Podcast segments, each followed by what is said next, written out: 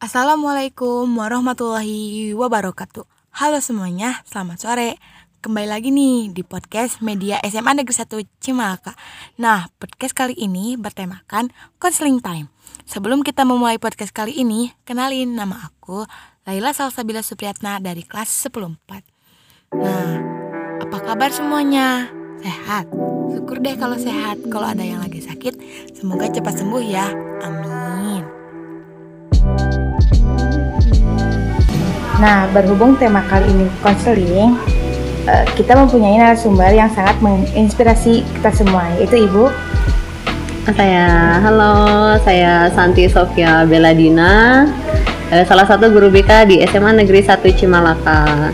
Baik, uh, kita mulai aja ya Bu pembahasannya. Boleh. Tema kali ini yaitu kan narkoba Bu. Mm-mm. Di, uh, narkoba itu sekarang lagi maraknya di kalangan pelajar.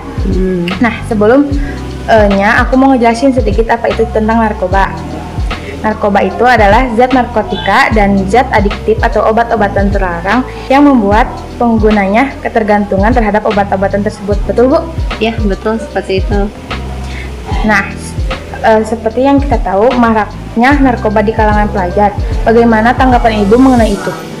Kalau untuk maraknya narkoba di kalangan pelajar itu memang sangat miris ya, karena kan pelajar itu aset bangsa. Nah, yang akan meneruskan perjuangan pendahulu kita nih gitu yang sekarang ada duduk di kursi pemerintahan, anggota dewan, kemudian orang-orang yang membuat kebijakan, kemudian juga yang menjalankan roda ekonomi negara. Nah, itu kan nanti yang akan melanjutkan tiap para pelajar ini gitu loh. Nah, sementara sekarang ketika pelajar itu ternyata ya beberapa banyak yang dirusak oleh narkoba. Nah, itu ya mau bagaimana ini perkembangan ke depannya kan seperti itu. Jadi efeknya ini ya sangat besar, sangat berdampak mengenai narkoba ini. Hmm, begitu. Eh, kalau menurut Ibu, faktor apa sih yang menyebabkan para pelajar itu menggunakan narkoba? Macam-macam sih ya. Kalau untuk yang penyebabnya ya, itu kebanyakan tuh alasannya tuh ada dua hal. To feel good sama to feel better gitu. Kalau to feel good itu dia karena merasakan ini sesuatu yang baru, kepo gitu kan. Di apalagi ditawarin sama temennya. Eh, yakin gak nih nggak mau nyicip gitu kan udah ngelihat ada di depan Iya. mata ah, masa iya nggak dicoba gitu kan itu untuk merasakan sensasi yang baru nah atau to feel better itu untuk merasa lebih baik dia merasa cemas dan sebagainya kemudian ada yang menawarkan nah dia mengkonsumsi oh ternyata saya merasa lebih baik dengan ini nah, alasan-alasan seperti itu gitu yang padahal sebetulnya yaitu alasannya tidak bisa diterima karena banyak alternatif yang lain selain narkoba tentu saja alternatif yang lebih baik yang bisa dipilih Baik. Lalu dampak apa Bu yang ditunjukkan oleh sang pengguna narkoba di sekolah?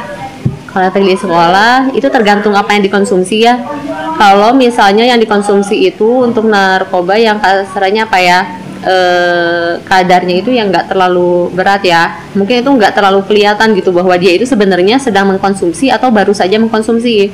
Nah tapi kalau dia memang sudah mengkonsumsi dalam jangka waktu lama dengan dosis yang besar, nah itu kalau yang dikonsumsi adalah jenis narkotika, ya itu yang mungkin ya kelihatannya ya ini anak kok sering pusing gitu kan, sering gak fokus di kelas dan Ya, sebagainya kadang gitu. Ada juga yang Mm-mm. matanya suka merah terus Bu. Hmm, oh iya. Ya, waktu Heeh. SMP juga pernah ada kayak teman itu eh, nyobain obat-obatan gitu terus nawarin lagi gitu. Oh, Kayak gitu. Iya. Oh, berarti kan memang banyak ya untuk ma- yang pengguna narkoba ini kan. Nah, Di Sumedang sendiri itu memang sudah banyak kasusnya sebetulnya.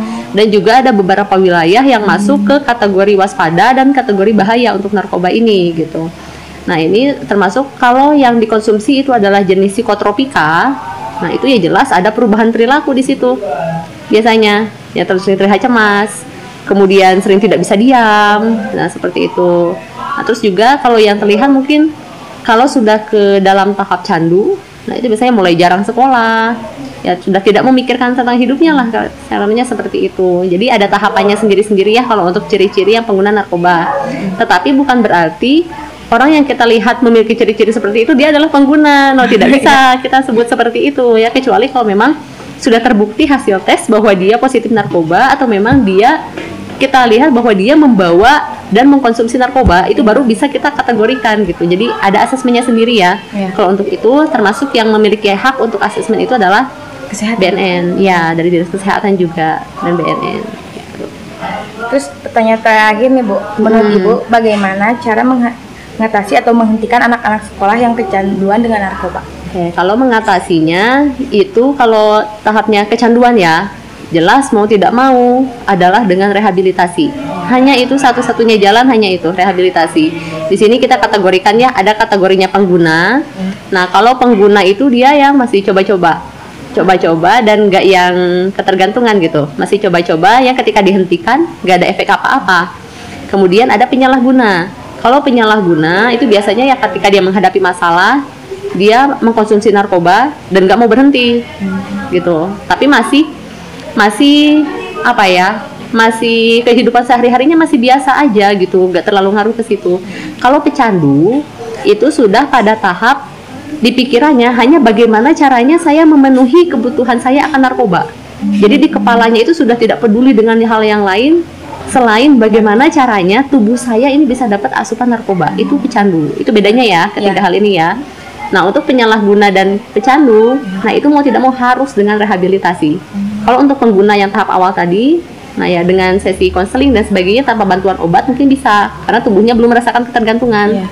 Tapi kalau sudah penyalahguna dan pecandu, yaitu jalan satu-satunya Rehabilitasi. ya hanya dengan rehabilitasi seperti itu ya dan ini juga kita ada kerjasama ya dengan BNN gitu jadi seandainya dari teman-teman di sini ada yang memang apa ya ya sudah pernah mencoba nah kemudian ingin lepas seperti itu nah itu bisa kerjasama dengan BK maksudnya cerita saja ke BK itu nggak apa-apa. Kerahasiaan itu terjamin gitu cerita ke BK nanti kita sama-sama lihat udah sampai sejauh mana gitu dan sebagainya. Nah itu nanti ya kita sama-sama bareng-bareng ke BNN nah kemudian untuk rehabnya itu bisa tetap sekolah gitu tetap sekolah sambil menjalani rehabilitasi itu bisa. Yang penting itu memang niatnya ingin keluar seperti itu.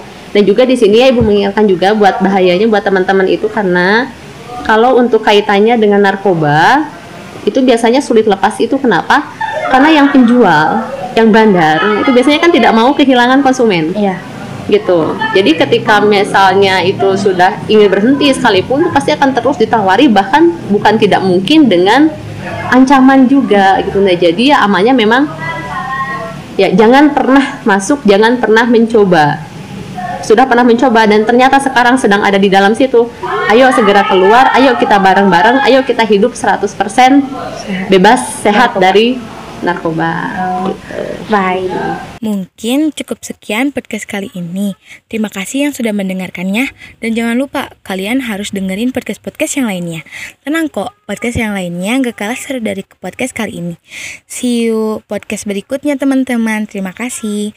Kita tutup saja podcast kali ini dengan 3W. Wassalamualaikum warahmatullahi wabarakatuh.